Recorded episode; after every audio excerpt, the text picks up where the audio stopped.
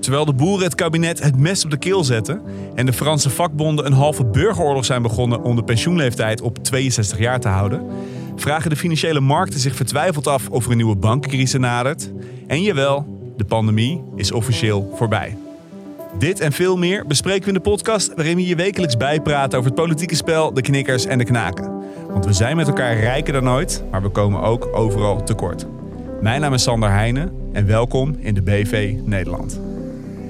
Anderhalve graad opwarming over een jaar of tien is eigenlijk al niet meer te vermijden. De aandelen van ING en ABN AMRO zijn lager geopend op de Amsterdamse beurs. Het is al weken onrustig in Frankrijk met protesten tegen het plan van de regering om de pensioenleeftijd te verhogen. Er was groot verdriet en boosheid en onvrede over de uitslag. Ik verwacht dat de situatie gewoon onhoudbaar wordt binnen de coalitie en dat er gewoon eh, voor het einde van het jaar nieuwe verkiezingen zijn. Ja, Hendrik Noten. Heb jij deze week ook zo groots gevierd? Sander Heijnen, je moet me een beetje vertellen welk feestje we precies aan het vieren waren. Nou, ik zat op één te kijken, een beetje zo zeppend, uh, eind van de dag uh, vermoeid. Jouw primaire informatie. Zeker. En dan in het tweede, oh, nou ja zeg. nou, dan zou ik wel heel uh, dun heel in, mijn, in mijn teksten gaan zitten straks. Um, tweede of derde item, minister Kuipers, Volksgezondheid. Die er zat voor iets anders. Um, maar uh, opeens ging het even over dat de pandemie uh, nu officieel voorbij is. Echt waar? Hij ja. heeft er, Ernst heeft er een punt achter gezet. Die heeft er een punt achter gezet. Ja, je kan dus niet meer testen bij de GGD. Ja, dat is helemaal gestopt. We hadden het eigenlijk niet meer bij. Het is nu een gewoon, uh, ja, een van de vele virusjes geworden die rondgaat. En dan weet ik nog dat er heel veel mensen grote fantasieën hadden over de bevrijdingsdag die zou uitbreken als die pandemie, hè, die drie jaar geleden met de eerste lockdown ongeveer op dit moment begon. hoe dat zou zijn. Ja, we zijn eigenlijk ge, geruisloos uitgerold. Ja. En soms heb ik ook wel het gevoel dat iedereen heel erg zijn best doet, waaronder ik zelf. Om het ook zo snel mogelijk te vergeten allemaal. Snap je ja. wat ik bedoel? Ja, ja, dat snap ik wel. Ja, ik ken mensen. het is een beetje raar, dit het is een beetje persoonlijk. Maar uh, je hebt dus ook omgekeerde wappies. Hè? Dus je had mensen die uh, de, het virus ontkenden. Maar ik heb familieleden die nog steeds bang zijn voor het virus. Oh ja. En die nog steeds zichzelf proberen te isoleren van de wereld. Oh. En nu die pandemie helemaal voorbij is, denk ik dat je keuze is ofwel je komt een keer dat virus tegen. En dat is waarschijnlijk oké, okay, want je bent gevaccineerd. Ja, of je blijft de rest van je leven toch ja, een beetje buiten hoop, de samenleving staan. Ik hoop voor ze dat, uh, dat ze daar snel ook uitkomen dan. Ik, uh, ja, pap, had... je hebt het gehoord. ja, ik wilde het niet zeggen. Hey, uh, ik had ook nog een kort dingetje, want ik geloof dat ik jou moet feliciteren. Vertel, waarmee? Nou, ik zat namelijk naar mijn primaire informatiebron te kijken. Galit en Sofie. Kijk. Uh, uh, uh, en daar zag ik dat jij mocht aanschuiven afgelopen vrijdagavond, terwijl we opnemen. En daar viel mij iets op, want jij werd daar geïntroduceerd als onze huiseconoom. Ja. Niet ja. ons van ons, maar van Galit en Sofie. Ja. ja, ik was ook even verrast. Mooi, officiële nieuwe titel. Ja. Ik had er wel een vraagje alleen over. Jij bent toch helemaal geen econoom? is dat een probleem? Nee, ja, blijkbaar, blijkbaar niet. Het, uh, wel fijn. Huis ja, het was wel even een discussie. Iedereen kan dat worden. Ik ben natuurlijk uh, historicus. Uh, ik heb Europese studies en geschiedenis gestudeerd en journalistiek. En uh, was ik had gevraagd van, joh, kan je me niet even noemen als een van de twee van het duo van BV Nederland? Hè? Dat leek mij misschien ook wel handig om dat te noemen. En zeiden ze, nou, we willen je liever als de huiseconoom presenteren.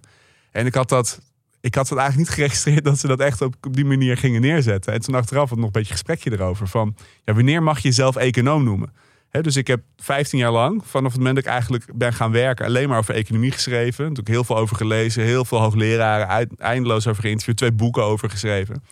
Dus ik durf ergens wel te stellen dat ik uh, een bredere blik heb op onze economie dan uh, veel vers afgestudeerde ja, economen. Mooi. Mooi. En je staat in de mooie traditie van Nederlandse huis- en hoofdeconomen.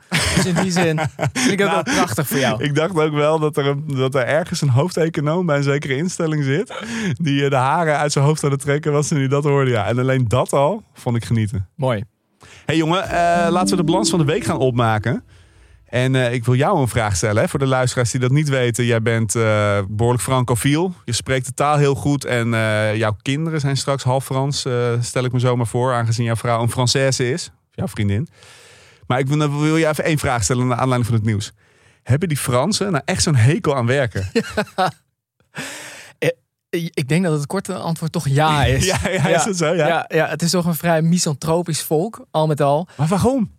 Ja, het, werken, het werkende leven is lijden. En eh, de mooie dingen doe je buiten het werk. En dus is ook het doel, een van de doelen van het leven, is toch om zo kort mogelijk te werken. Al met al, ik maakte natuurlijk een beetje een Zo karikatuur kort mogelijk en zo min mogelijk werken. Ja, ik maak er een beetje een karikatuur van. Maar dat zit toch wel heel erg diep in, eh, in het volk. En dan is het verhogen van de pensioenleeftijd, of eigenlijk de, het pensioenstelsel, zo moet ik het zeggen, is echt een een grootste sociale naoorlogse uh, verworvenheid voor de Fransen. Ja, dus omdat je nu, uh, het is nu 62 jaar, de pensioenleeftijd. Ik heb het even opgezocht. ja, ja, ja. Uh, Mitterrand, jaren 80, die heeft dat verlaagd hè, van 65 naar 62. Inderdaad. Dus het was heel lang heel normaal om gewoon tot je 65ste te werken daar. Maar dat is dus in die 30, 40 jaar dat het 62 is geweest, is dat zo'n diepe verworvenheid geworden. Dat mensen toch bereid zijn om daar politieagenten voor in elkaar te slaan. Ja, want nu uh, loopt het inderdaad een beetje uit de hand. Macron heeft in zijn eerste verkiezingstermijn geprobeerd om die leeftijd te verhogen. Het is hem niet gelukt. Hij zou het in de tweede termijn echt gaan doen. Uh, het leek uh, weer niet te lukken. En toen heeft hij nu gebruik gemaakt van een geitenpaadje in de Franse wet. Dat is wel heel interessant. Gewoon het parlement buitenspel ja, Dat je een wet kan doorvoeren ja.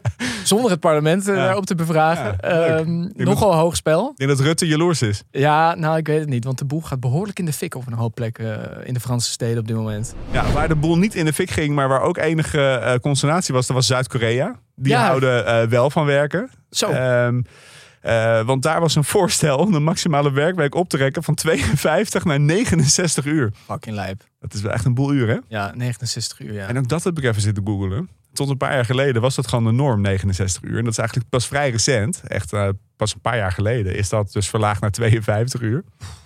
Ja, dat... Uh, ik zie, ik, zie de, ik zie de Franse inborst in jou nu toch, uh, toch zuchten. Ja, ja, nou ja, laten we maar zo zeggen. Het is niet alsof de Koreanen er heel gelukkig mee zijn, volgens mij. Uh, nee, ja. Maar... Laagste geboortecijfer ter wereld. Het is niet voor niets.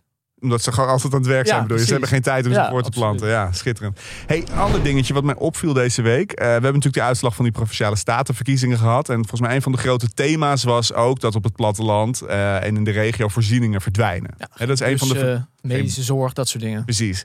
En nou viel het me dan toch op dat, dat als je die uitslag ziet. En ik, ik noemde net Kuipers al even over die pandemie. Het item waar die eigenlijk voor zat is dat eh, ze eerst de hulpposten eh, willen, meer willen centraliseren. Dus, dus nu heeft ieder streekziekenhuisje min of meer een eerste hulppost. En dat moet eh, er wat minder worden. Dus dan moet je voor de eerste hulp, vaak de spoedeisende hulp, wat, wat verder reizen in veel gevallen. Is dat een bezuiniging gewoon?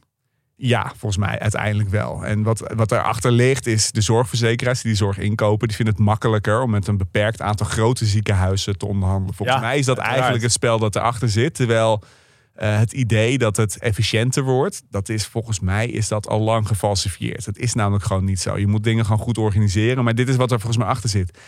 Maar ik zat dus te denken, dan zie je dit dan weer als geïsoleerd onderwerp. Maar eigenlijk eh, is het, het succes van die BBB en die, die in ieder geval die, die gevoelde crisis, of die gevoelde kloof tussen stad en platteland. Dat zit in die optelsom van allemaal van dit soort kleine besluitjes. Hè? Van je gaat vanuit Den Haag besluiten om, ja, we kunnen, hè, je kijkt naar het land, ja, waarom hebben we zoveel van die eerste hulpposten? Het kan allemaal best wel wat minder. Ik denk dat dat bij elkaar optelt tot een soort onvrede die we nu in de Eerste Kamer en in de provinciale staten eh, eh, ja, heel erg manifest hebben zien worden. Dus ik wilde dat eh, even eh, genoemd hebben. Ja. Ja, en dan eh, waren wij elkaar natuurlijk weer druk aan het appen deze week over het meest recente IPCC-rapport. Ja, kwam deze week uit. Leg even eh, uit, IPCC, International Panel for Climate Change, de VN-klimaatorganisatie, zeg maar. Ja, zeg maar de wetenschappers die voor de Verenigde Naties eh, klimaatverandering in de gaten houden. En eh, er kwam een nieuw rapport uit. Er was geen nieuw onderzoek gedaan, maar het is eigenlijk een, ja, dat heet dan in chique termen, een synthese-rapport. Dus je telt een heleboel studies bij elkaar op. Je veegt ze bij elkaar op. Eh, maar wat er wel altijd eh, in interessant is, is ook weer de toon en de urgentie die die wetenschappers kiezen. Wat in feite niet direct hun rol is. En nu was weer heel duidelijk dat de urgentie eigenlijk nog verder toenam in dit nieuwe rapport. En eh, ja, het zal mijn onwetendheid zijn. ook daarin toch het nieuws dat die anderhalve graden opwarming, die anderhalve graad waar we in Parijs ooit afspraken met elkaar over maakten, die we niet wilden overschrijden, dat die eigenlijk met een jaar of 10, 15 al in zicht komt. Ongelooflijk, hè? Ja, en als je dan ziet eh, waar dan de hoop zit, dan zeggen ze ja, we overschrijden hem en misschien kunnen we er weer onder als we enorme bossen gaan planten en fabrieken die CO2 uit de lucht gaan zuigen. Eigenlijk Zeg maar, veel zeg maar al die dingen die we niet doen. Ja, en dan alleen al met wat nu gepland is aan fossiele investeringen gaan we dat eh, daar waarschijnlijk overheen. Ja, het gaat dus hard. En eh, ja, nog meer urgentie. Ja, Was nou, geen heel goed nieuws. nee. Eh, nou, wat ik, wat, wat ik eigenlijk... Dit is het. Nou ja, ik zit me Ja, al de wordt een hele heel week... ingewikkeld bruggetje. Ik zit, me- ik zit me al de hele week te verkneukelen. Het vergaan van de wereld naar dit. Ja. Go. Dassen. En dan heb ik het niet over Laurens Dassen, hè, de, de voorman van Volt. Nee, dan heb ik het over gewoon die, eh, die, die leuke beestjes. Die eh, toen ik klein was bijna uitgestorven waren. En toen heb ik daar nog zegeltjes voor verkocht. Red de das. Hè. Geef hem weer leefgebied. Zorg dat hij weer kan bestaan. Heb jij dat gedaan? Ja, dat heb ik gedaan, ja.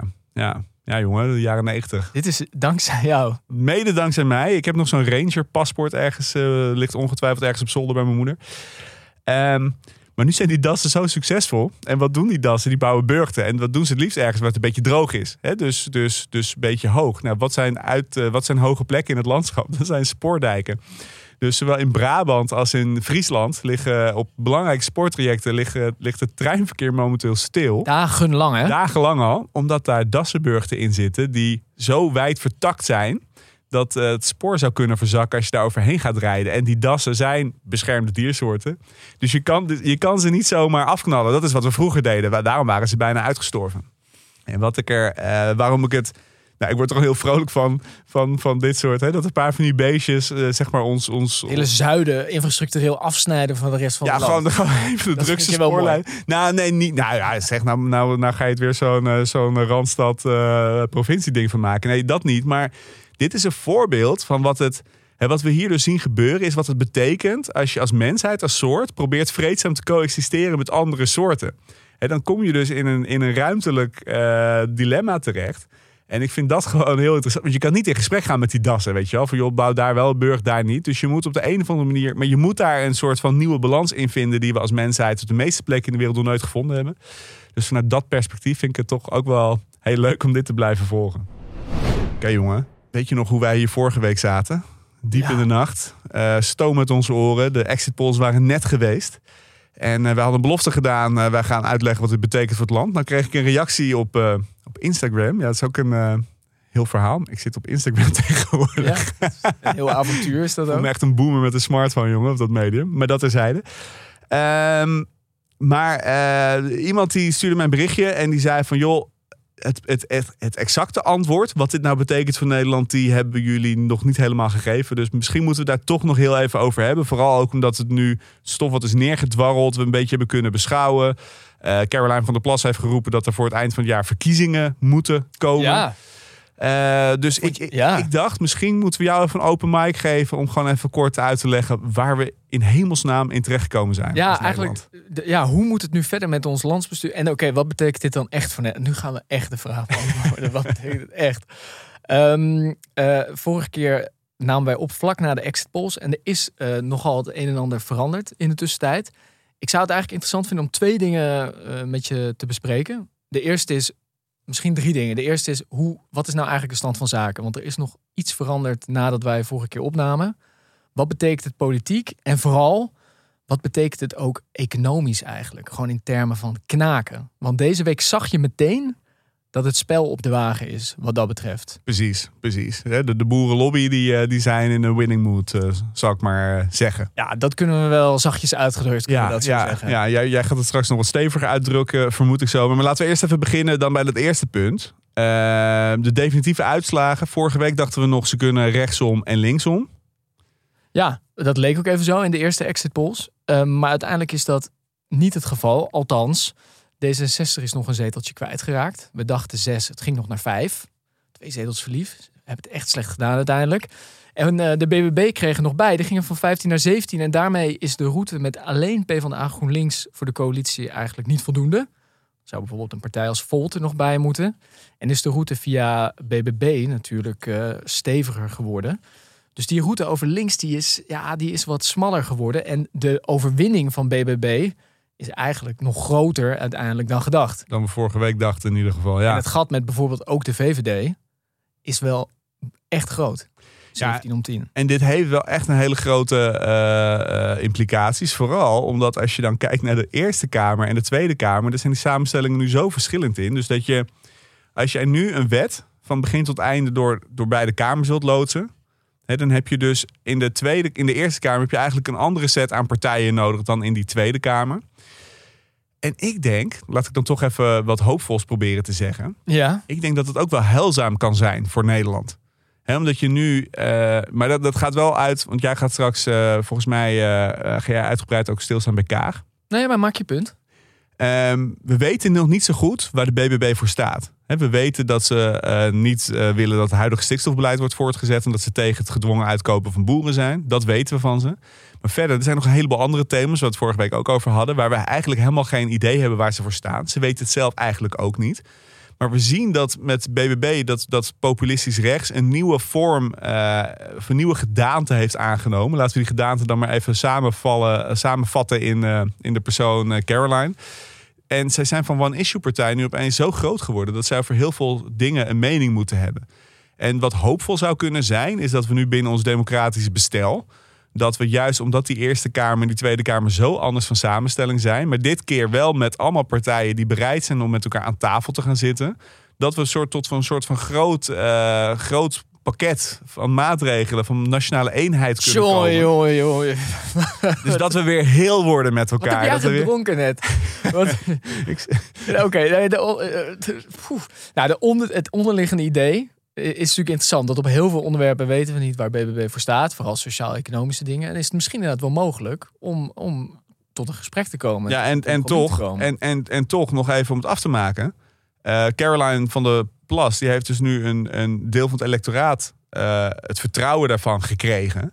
En zij kan dat vertrouwen natuurlijk ook gebruiken om in gesprek te gaan met de macht, uiteraard, met de zittende macht, maar ook met die achterban om te zeggen van ja, in het belang van Nederland is denk ik dit wat wij kunnen doen met elkaar. En dat zal iets anders zijn dan wat in het coalitieakkoord staat voor een deel.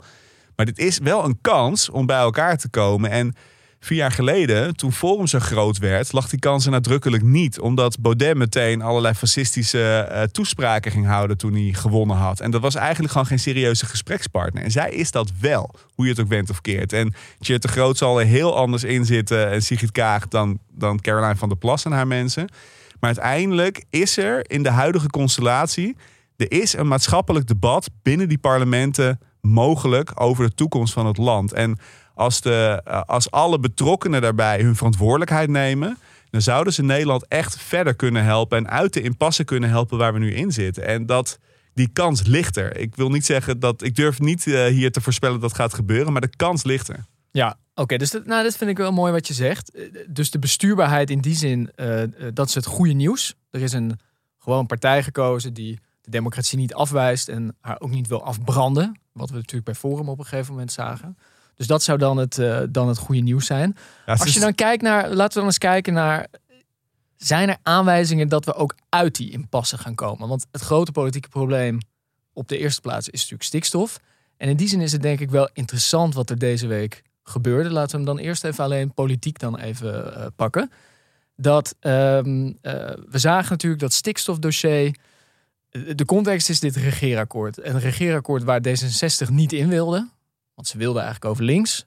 Toen heeft Kaag op een gegeven moment een draai gemaakt. En toen zei ze in zo'n speech zei ze van oké, ik doe een stap. Ik ga toch met rechts regeren. Maar ik wil ook wel alles binnenhalen wat ik binnen kan halen. Dat is natuurlijk eigenlijk het uitgangspunt. En als je ziet hoe Van der Plas deze week zich positioneert, dan zegt ze volgens mij wel twee dingen. Eén, wij willen besturen, want we zijn de grootste geworden. En twee, de politiek kan niet om ons heen. Dit is een signaal aan de coalitie. En drie, je noemde het al even, we hebben ook een paar eisen waar we niet onderuit kunnen. De eerste is eh, die stikstof deadline van 2030 naar 2035. En de tweede is het uitkopen natuurlijk van boeren. En dat zijn precies wel twee rode lijnen die in dat regeerakkoord natuurlijk heel duidelijk door D66 getrokken zijn. Dus zij zet die coalitie wel het mes op de keel en zegt eigenlijk, ja, zeg maar wat je gaat doen. Ga je je regeerakkoord openbreken en met mij mee? Of doe je het niet? En eh, ja, dan, dan gaan wij gewoon je niet uit die impasse helpen. Maar dit zijn dus momenten dat het goed is om gewoon eens even naar de cijfers te kijken. Hoe staat, hoe staat die boerensector ervoor? Want als je dan gewoon gaat kijken in de data van het CBS, zie je dat die boerensector is vergrijsd. Veel boeren zijn relatief oud, zitten relatief dicht bij hun pensioen. Als je dan vervolgens kijkt, dan zie je dat, dat een kwart tot een derde van die boeren, die hebben nog geen opvolger.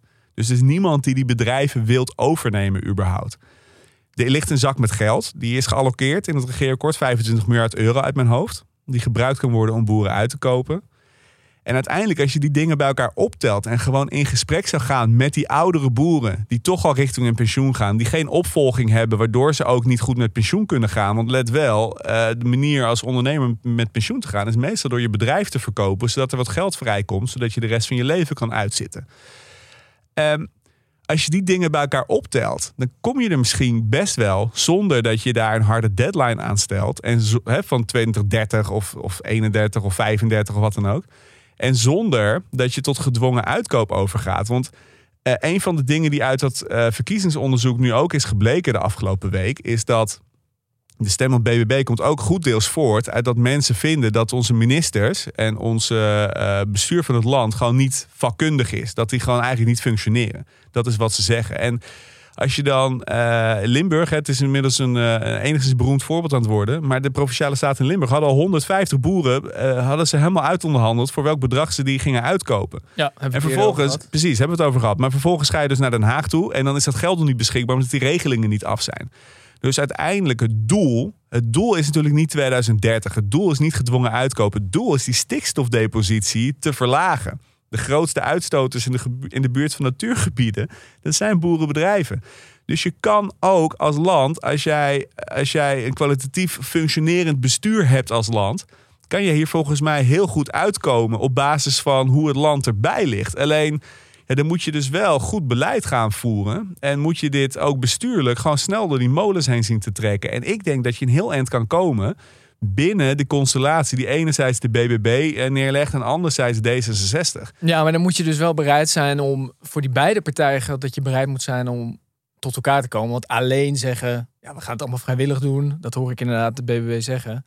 Dat, daar kan je geen beleid op maken. Daar neemt de rechter ook geen genoegen mee. Je moet wel die belofte kan volgens mij geen, geen stand houden. Ik denk dat dat wel een probleem is. Nou ja, maar tegelijkertijd, zolang de mensen die er vrijwillig uit willen stappen ook nog niet uitgekocht kunnen worden, omdat we, al, omdat we alweer uh, twee jaar wachten, terwijl we al twee jaar weten dat het geld eraan komt. En daarvoor wisten we al twee jaar dat die stikstofcrisis er was. En dus zijn eigenlijk al vier jaar zitten we in die stikstofcrisis en nog steeds is dat geld niet geregeld, terwijl het er gewoon is. Ja, dan heb, je, dan heb je eigenlijk een ander probleem als land. Dus dan kan je heel erg gaan proberen te polariseren tussen uh, over 2030 is heilig of niet, gedwongen uitkoop is de manier of niet.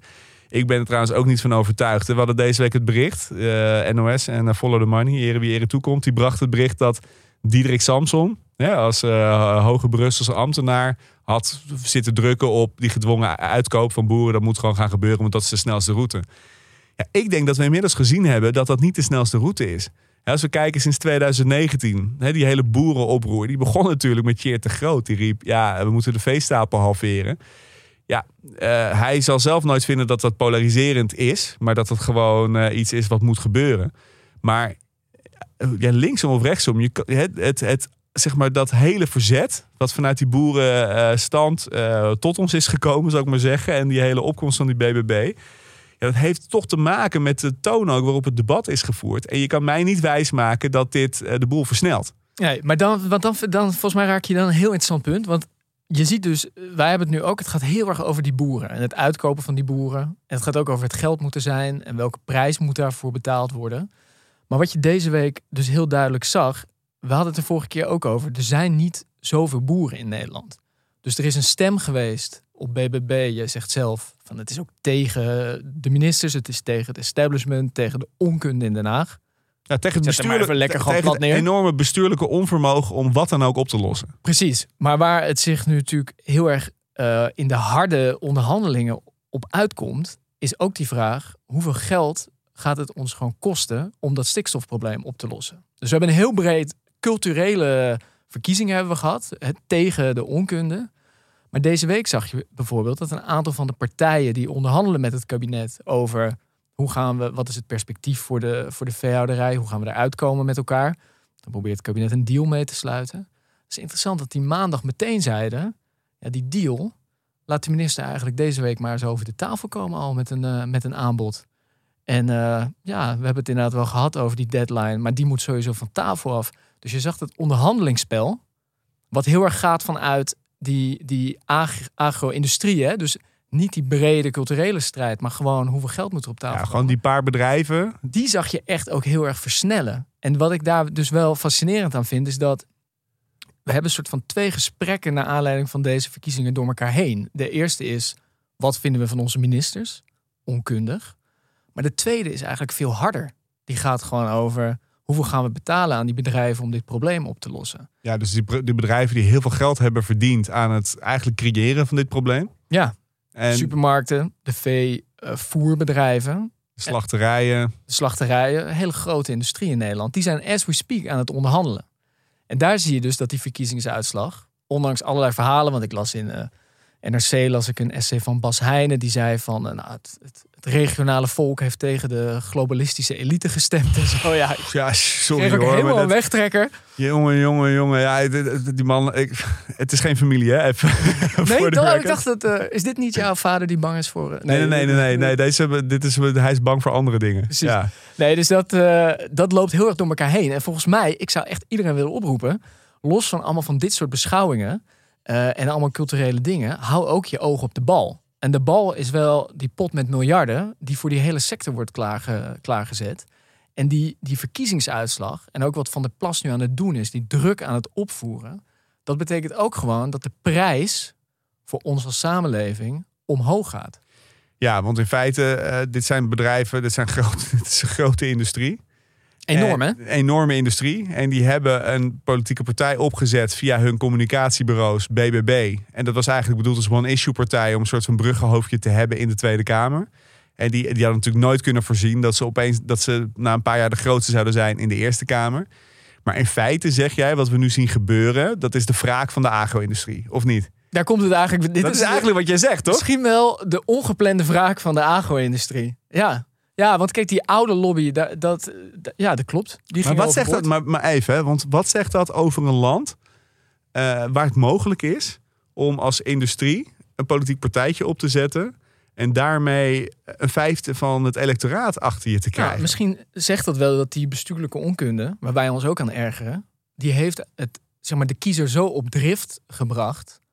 Dat je in feite, als jij, als jij slim bent en goed georganiseerd en een fatsoenlijk verhaal hebt, dan kan je dus heel makkelijk je eigen belangen koppelen aan de onvrede van, van die kiezer. En, dan dan kan kan je je heel dus- veel voor elkaar krijgen. En dan kan je dus precies, en zo kan je, en, en zo in feite, eh, kan je dus zonder dat je wezenlijk iets gaat doen voor veel van de kiezers en die onvrede, kan je gewoon je eigen belangen regelen eh, over, in feite over de rug van onze eh, democratie, of niet?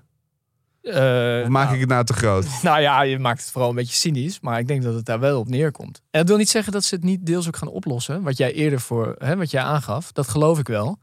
Maar in de slipstream daarvan gaan ze hun eigen miljardenbelangen, die gaan in ieder geval goed geregeld worden. Nou, daar zijn we dan eh, mooi klaar mee. Het is een beetje de Empire Strikes Back. Ja, en, eh, en nog even tot slot van dit onderwerp.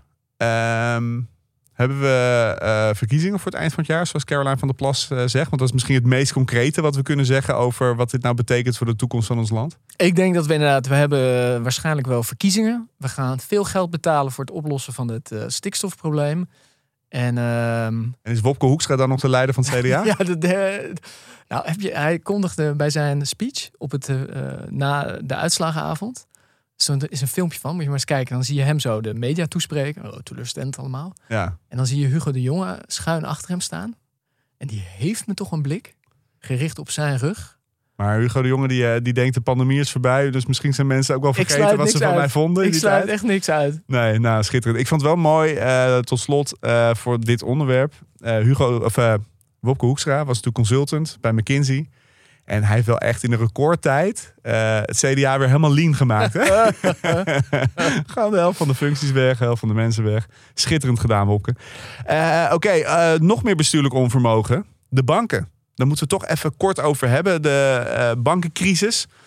Althans, de, de, de vraag, komt er een nieuwe bankencrisis? Ik denk dat we het ergste achter de rug hebben. Maar misschien moeten we toch even kort schetsen wat er gebeurd is. Ja, want het is een week wel echt van onrust geweest. Dan in één keer allerlei flitsen uit 2008. Jij en ik hebben dat bewust wel meegemaakt, allebei. Zeker, dat is mijn eh, journalistieke coming of age eh, geweest, die bankencrisis. Is dat zo? Zeker, ja. Ja, nee, ik begon met werken eh, als journalist toen in het hoogtepunt van die kredietcrisis. En ik had eigenlijk hele grote ideeën over. ik ga schrijven over transatlantische betrekkingen en zo. Weet je wel, oorlogsjournalist wil ik misschien wel worden. Goed, die banken die pleurden in elkaar. En eh, de plekken waar ik eh, eh, werk kon krijgen was op economieredacties. Dus ik ben, toen ben ik met economie begonnen. Ja, het blijft altijd de lens waarmee we volgens mij sindsdien naar alles in de financiële wereld blijven kijken. En zo ook afgelopen week, want plotseling kwam uit de VS het nieuws overwaaien dat er een bank in de problemen eh, kwam. En dat verspreidde zich heel snel. Kan je heel kort vertellen wat er nou gebeurd is allemaal? Ja, dus je hebt eh, de Silicon Valley Bank, hè, de, de, de huisbankier zeg maar, van alle startups in Silicon Valley eh, in de Verenigde Staten, re- regionale bank, die een paar jaar geleden heeft gelobbyd onder het presidentschap van Trump voor soepelere regels voor kleinere banken. Het is altijd een goede aankondiging als dat gebeurt. Ja, nee, dat is wel echt zeer tragisch. Maar goed, want die zeiden dan kunnen we bedrijven beter helpen enzovoort. Nou, eh, die bank is toen in een paar jaar tijd van een omzet, van een balans, sorry, van 45 miljard gegroeid naar een balans van, in 2016 was dit, naar een balans van 200 miljard nu. Dus als een bank zo snel groeit, dan is sowieso eigenlijk altijd al reden om eh, zenuwachtig te worden. Want kan zo'n organisatie snel genoeg meegroeien ook in kwaliteit? Dat is dan toch een vraag die je hebt. En uiteindelijk, ehm, wat je zag gebeuren door de stijgende rentes. ehm, door die stijgende rentes eh, komen veel startups in Silicon Valley in de problemen. Dus er waren veel bedrijven die eh, geld gingen opnemen van die bank. Nou, die bank die kwam vervolgens daardoor in de problemen. Eh, en die moesten allemaal beleggingen gaan verkopen om te zorgen dat ze geld konden uitkeren aan hun rekeninghouders. En wat die bank had gedaan, eh, die hadden eh, gespeculeerd dat die rente langer laag zou blijven. Dus die Oeps. hadden allerlei obligaties gekocht met een hele lage rente, een lange looptijd, om daar toch nog iets van rendement op te maken. En dan gaat die rente omhoog en dan zijn die obligaties meteen veel minder waard. Want die kan je verhandelen, maar je kan nu nieuwe obligaties krijgen met een veel hogere rente. Ja. Een beetje technisch verhaal. Wat ze zijn gaan doen, ze hebben toen voor 20 miljard aan obligaties verkocht met een verlies van 2 miljard. En iemand in Silicon Valley zag dat. En die dacht, hé, hey, als zij dus zo'n bereid zijn zo'n groot verlies te nemen, dan zullen ze wel in de problemen zitten. Ah, slecht nieuws. Een rode Die is daar- vlag. Die is daarover gaan twitteren. En door die tweet is eigenlijk, heel Sil- Silicon Valley las dat, is binnen een middag is er dus een bankrun ontstaan en is die bank omgepleurd. En dat is een groot verschil met nu en toen. Die, die bankencrisis 15 jaar geleden, toen had je die social media had je gewoon nog niet. Hè, dus toen ik jong en hip was, toen had je geen eh, sociale media. Dus daarom zit ik soms nog wat eh, te rommelen erop. Jij moest En- echt nog mensen gaan interviewen voor je informatie. Ja, moest je mensen gaan bellen en Oh, zo. Weet je, moest eng. je telefoonnummer gaan opzoeken. Ja, precies. En, maar in ieder geval, ehm, je zag dus dat er binnen no time heel veel geld uit die bank werd getrokken. En dat leidde ertoe dat, eh, dat heel veel eh, anderen dachten van joh, als die ene bank, die Silicon Valley Bank, wat best een bekende bank, bekende grotere regionale bank is in de VS. Als die daar zo kwetsbaar voor is, ja, hoe zit het dan bij andere banken? Want blijkbaar kan je dus nu gewoon met één tweet kan je een bankrun binnen een dag op gang brengen. Dat blijft wel sowieso natuurlijk het lijpen aan dit deel van het verhaal. Hè? De Precies. kwetsbaarheid van zo'n bank voor sentiment. Ik bedoel, banken zijn altijd kwetsbaar voor sentiment. Maar daar zit natuurlijk nu een turbo op. Het is veel sneller geworden. En eigenlijk wat we dus nu gezien hebben, is dat het, het bankentoezicht daar eigenlijk nog niet op is ingesteld. Dus aan de hand van de crisis van 2008 zijn we eh, allerlei extra regels gaan doorvoeren voor banken. En het is wel belangrijk om te noemen, voor Silicon Valley Bank golden die strenge regels dus niet meer. Nee, maar die dankzij die zelf. lobby bij Trump. Ja, Hè? ja, ja, ja oké. Eh, nou, vervolgens, eh, eh, wat je dus ziet, is dan worden mensen zenuwachtig over banken. En dan gaan ze kijken wie zijn nou de zwakke broeders in bankenland. Ja, in het Europese bankenland is die Credit Suisse is gewoon eigenlijk eh, een zwakke broeder. Eh, die hebben al heel lang hele grote problemen. Eh, nou, ga ik niet allemaal in op de details. Maar dat maakt dus dat mensen meteen zenuwachtig worden. Wordt die de volgende? ja, want dat toen- is eigenlijk het spel, toch? Who's next? Precies, Ja. precies. Who's next? Is de rest safe? En toen had de, grootste aandeelhouder van, van Credit Suisse, hè, dat is een eh Saoedische bank, die hadden gezegd, maar in een heel ander, in een heel andere context. Van wij gaan ons belang in Credit Suisse niet vergroten. We gaan niet extra aandelen daarin kopen. Maar dat was meer gewoon een soort van filosofie over een eigen beleggingsstrategie. En dat had niks te Er had- was geen reactie op nee, deze het was helemaal crisis. geen, niet echt een reactie op deze crisis per se. Dus, maar toen vervolgens dachten ze, oh, die grootste aandeelhouder, die ziet er niks meer in. En toen ging Credit. Suisse dus opeens wankelen. Toen ging iedereen daar zijn geld uithalen. Klapte die beurskoers in elkaar. En als Credit Suisse kan omvallen, ja, dan gaan alle beleggers toch, die worden zenuwachtig bij alle banken. Dat zagen we in Nederland En dat ook. zagen we dus in Nederland gebeuren, dat ook onze banken eh, omlaag gingen. Nou is het wel belangrijk om te stellen, Zwitserland zit niet in de eurozone, zit niet onder de ECB, de Europese Centrale Bank.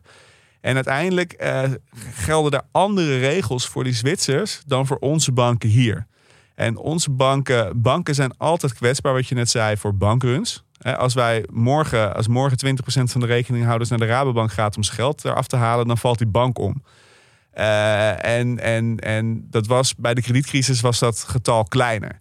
Een ander ding wat echt anders is, is dat die banken toen, die hadden hele, eh, heel veel risicovolle eh, leningen op hun balansen staan. En die waren verstopt eh, op die balansen. En eigenlijk wisten die banken zelf vaak niet eens dat ze ze hadden. Want die banken die verhandelen constant eh, kredieten onderling met elkaar. Dus eh, dat is nu ook niet zo. Dat is allemaal opgeschoond. Dus er zijn een paar dingen zijn echt heel anders dan eh 15 jaar geleden. En het derde punt is dat toezichthouders veel alerter zijn geworden dan 15 jaar geleden. Dus je zag nu al bij Silicon Valley Bank dat eigenlijk de overheid heel snel ingreep om de boel Ja. te stutten. Dus dat was formeel geen systeembank. En als je geen systeembank bent, mag je omvallen. Nou, ze zagen eigenlijk al binnen een dag: oké, dit heeft wel een eh, probleem voor de hele sector. Gaat dit toeleiden als we daadwerkelijk dat laten omvallen? Dus die hebben dat meteen gezegd: alle rekeninghouders krijgen gewoon een Maar geld. hier zit volgens mij dan ook wel de essentie van dit verhaal. Want maar ik vraag me de hele tijd af, we hebben allemaal banken. Dat zijn gewoon private instellingen. Die verdienen eh, over het algemeen goed geld. Hebben dankzij dat lage rentebeleid ongelooflijk goed geld verdiend eh, de laatste jaren.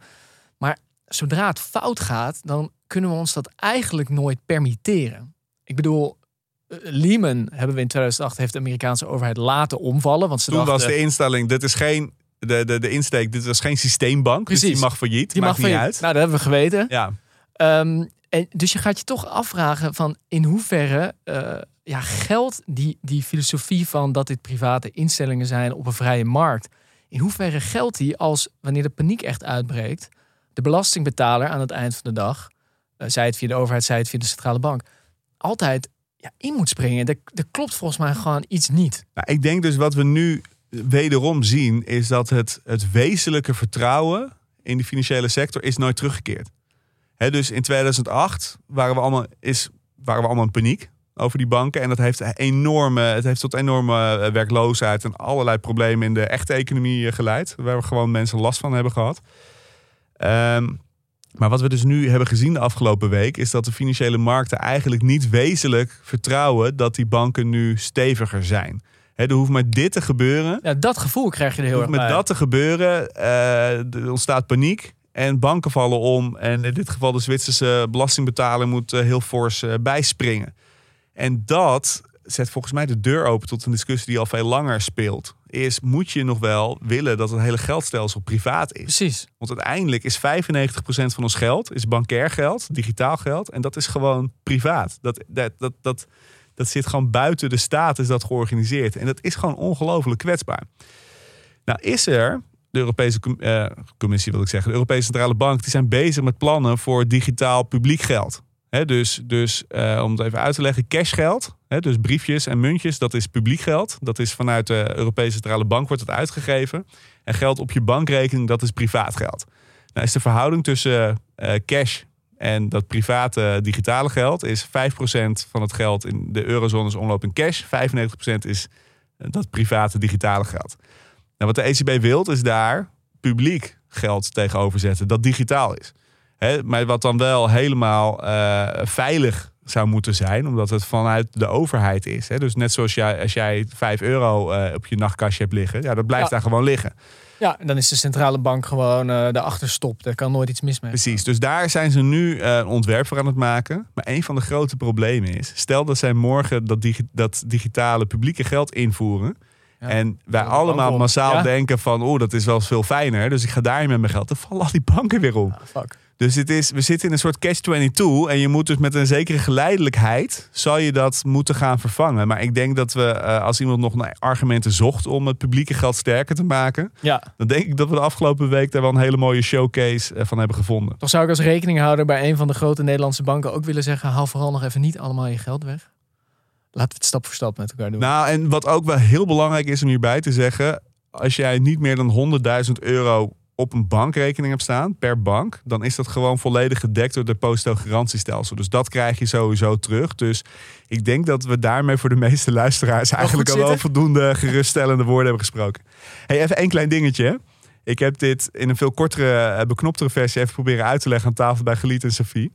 Betty Bart zat ook aan tafel. En die kwam de afloop naar me toe en die zei... Ik snapte daar helemaal niks Oh ja? Echt waar? Ik vond, ah, Was het nu wel helder? eh, ja, ik vond het heel helder. Nou, ja, gelukkig maar goed, ik ben Patty Bart dan ook niet. Nee, dat is waar. Nee, dat is waar. Dat heeft voordelen en nadelen, denk ik. Nou, maar ik zou met zeker dingen tellen als ik jou was. hey, jongen, eh, we moeten naar eh, reacties gaan. Ja, zeker. Eh, we kregen waren er best veel, hè? Ja, er waren er best veel. Ehm, laten we het kort houden, maar ik wilde jou toch even confronteren. Want jij was afgelopen week ook de gast bij de Zelfs-podcast van jouw naamgenoot. Sander Schimmelpenning. En eh, daar had je het onder andere over de vraag: moeten we niet, gezien eh, eh, de tekort op de arbeidsmarkt en gezien het feit dat er zoveel werk bestaat waar mensen eigenlijk helemaal niet gelukkig van worden, moeten we niet bepaalde beroepen verbieden? Ja, ik Dat vond was het wel een leuk stelling. idee. Ja, Ja, nou, dat heb je geweten. zo. Ehm, en onze, eh, onze stagiair Wessel, die is even door de vele, vele, vele, vele reacties Er waren wel mensen die zich aangesproken voelden, geloof op ik. jouw hè? social media gegaan. Eh, en dat, ik dacht, ja, daar moet je toch even mee geconfronteerd worden. en Ja, ik, kom maar. nou ja, hij heeft er twee uitgepikt eh, voor ons. De eerste was van ja, leuk hè, een beetje filosoferen over banen verbieden. Maar hoe zou dat überhaupt moeten en wie bepaalt dat dan? Ja, jij Caroline. volgens mij, ja, had jij volgens mij niet over nagedacht. Nee, nou, ja, daar heb ik natuurlijk wel over nagedacht. Het gaat mij natuurlijk om de richting van het debat. We, hebben, we, hebben, we zitten klem. We hebben te weinig mensen voor al het werk wat gedaan moet worden in het land. Dus dan lijkt het mij op zich een hele logische gedachte. Dat je gewoon eens gaat bespreken. Welke sectoren hebben nou, eh, zijn nou nuttig voor de samenleving. En hebben die meer recht op de schaarse, het schaarse aantal arbeidskrachten dan, dan andere sectoren. Dus zo heb ik het bedoeld. Net zoals we hebben te weinig stikstofruimte. Ja, welke sectoren hebben nou meer en minder recht op die ruimte die we nu eenmaal moeten verdelen. Dus dus ik probeerde dat debat aan te zwengelen. Maar als je dat dan in een snippet van 30 seconden op de socials gooit. Nou, daar zijn ze voor bedoeld hè. zo is dat. En iemand anders die zei nog van ja, dat kan je nou wel zeggen. Maar als iemand gewoon bereid is om te be- betalen voor een dienst die iemand aanbiedt. Want je had het onder andere over social media redacteurs en zo, weet ik veel wat allemaal. Ja, is dat dan niet per definitie gewoon, betekent dat niet dat er vraag naar is? En is het dan niet een beetje aanmatigend om te zeggen dat we dat soort werk zouden moeten verbieden? Nou, eh, het eerste antwoord ja. Het is, natuurlijk is het aanmatigend om dat te zeggen. Maar als je wat verder kijkt, het voorbeeld wat ik noemde, de Nederlandse Zorgautoriteit, die zijn op zoek naar een redacteur sociale media. Dan denk ik, we hebben in de zorg al 60.000 mensen tekort. En de Nederlandse Zorgautoriteit die moet toezicht houden op dat dingen goed verlopen in de zorg. Dan denk ik dat die, sociale, die redacteur sociale media. Ik denk dat het budget voor diegene en de eh, uren die diegene kan werken beter besteed zijn voor de zorg.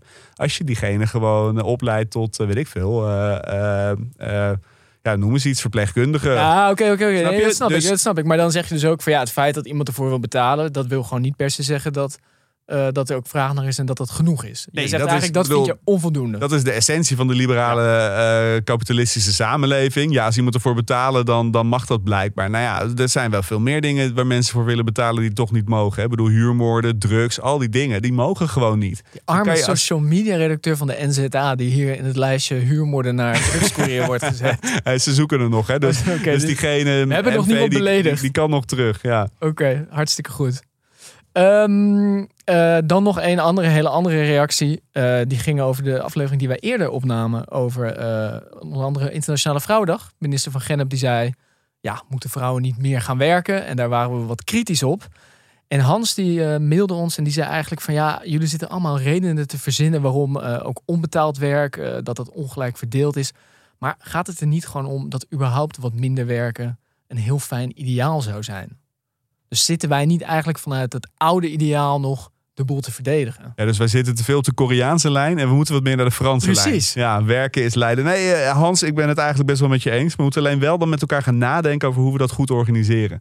Want als we morgen allemaal gewoon stoppen met eh, naar ons werk gaan, denk ik dat er wel weer nieuwe problemen zichtbaar gaan worden. Ja, maar ik denk dat mijn schoonfamilie eh, zich goed zou kunnen vinden in de woorden van Hans. Nou, heel goed. Ja, hey, jongen, hoor je hem aankomen? zeker. De vrolijke noot. Daar is hij. Ja, deze week, ehm, ik heb een hele mooie weer. Positief nieuws op het eh, gezondheidsvlak. En ik wil een kleine shout-out doen naar Wanda de Kanter. Kijk. Eh, Nederlands, denk ik, eh, misschien wel bekendste anti-tabaksactivist. Ja, En ehm, longarts. longarts.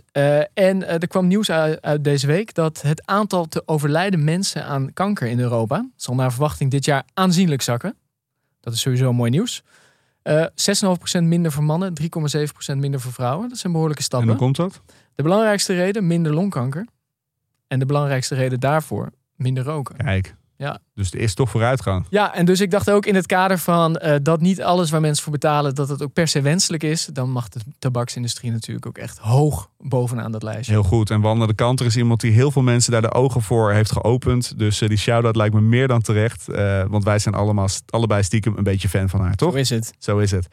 Oké jongen, dan eh, gaan we er een punt achter zetten voor deze week. Maar niet voordat jij hebt gezegd dat. Dank allemaal, dank voor het luisteren. Volgende week zijn we er weer. Heb jij vragen, eh, zoals Hans, dan kan dat bijvoorbeeld door te mailen naar het mooiste mailadres van Nederland, bvnederland@creator-podimo.com. Het staat ook in de show notes. Maar je kan ons ook op Instagram bijvoorbeeld zoeken bij BV Nederland of op LinkedIn. Gewoon Hendrik Noten, Sander Heijnen. Eh, en ik zou zeggen, voeg je daar bij de vele discussies in de post van eh, Sander. Het is er berengezellig. Vergeet deze aflevering niet met anderen eh, te delen. En daarmee gezegd, tot volgende week. Zie je volgende week jongen.